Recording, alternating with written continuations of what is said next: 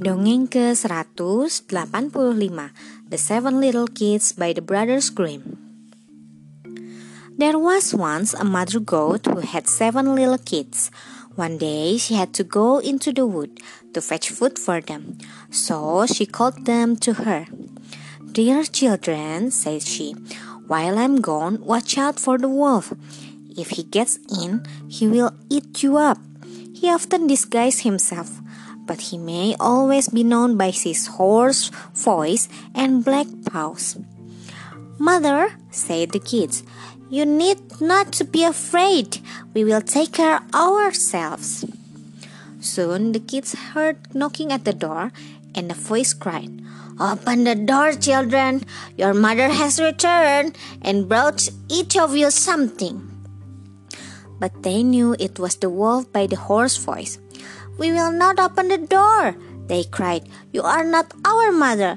She has a delicate and sweet voice, and your voice is hoarse. You must be the wolf. The wolf went to a shop and bought a big lump of chalk and ate it up to make his voice soft. Then he came back, knocked at the door, and cried, Open the door, children.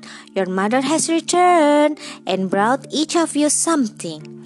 But the wolf had put his black paws up against the window, and the kids cried out, We will not open the door. Our mother has no black paws. You must be the wolf. The wolf ran to a baker. Baker, said he, I have hurt my feet. Pray spread some dough over them. When the baker had done so, the wolf ran to the miller and said, Cover my paw with white flour. The miller refused, thinking the wolf must wish to harm someone. If you don't, cried the wolf, I'll eat you up. And the miller was afraid and did as he was told. Now the wolf arrived at the door again and knocked. Open, children, cried he. Your mother has returned and brought each of you something. Show us your paws, said the kids. The wolf put his paws up to the window, and when the kids saw that they were white, they opened the door. When the door opened and he entered, they saw it it was the wolf. The kids tried to hide. One ran under the table, the second got into bed, the third into the oven, the fourth in the kitchen, the fifth in the cupboard, the sixth under the sink, and the seventh in the cloak case. But the wolf found them and swallowed them all, all but the youngest, hidden in the cloak case. Having, it, having eaten his fill, the wolf strolled into the meadow, lay himself down under a tree, and fell asleep. When the mother goat returned, a horrible sight met her. The door was open, table and chairs were thrown about, and dishes were broken. Her children were nowhere to be seen. She called to them, but no one answered, until she came to the youngest. Here I am, mother, a little voice cried. Here, in the cloak case. She helped him out and heard how the wolf had come and eaten all the rest.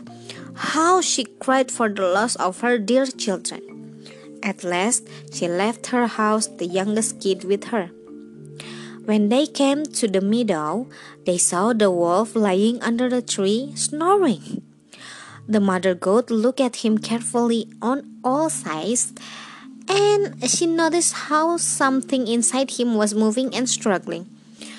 Dear me, thought she, can it be that my poor children are still alive? And she sent the little kid back to the house for a pair of shears, a needle, and some thread. Then she cut the wolf open. No sooner had she made one snip than out came the head of one of the kids. One after another, the six little kids all jumped out, alive and well for in his greediness the roach had swallowed them whole. Now fetch some hard stones, said the mother, and we will fill his body with them while he sleeps. They put the stones inside him, and the mother sewed him up quickly so that he was none the wiser. When the wolf awoke, the stones inside him made him very thirsty, as he was going to the brook to drink. They rattled against each other. He cried out, What is this I feel inside me, knocking hard against my bones? How should such a thing betide me? They were kids, and now they're stones. He came to the brook and stopped to drink, but the heavy stones weighed him down, and he fell into the water and was drowned. The little kids saw him fall. The wolf is dead, they cried, and they danced all about the place. Sekian, terima kasih telah mendengarkan. Selamat malam.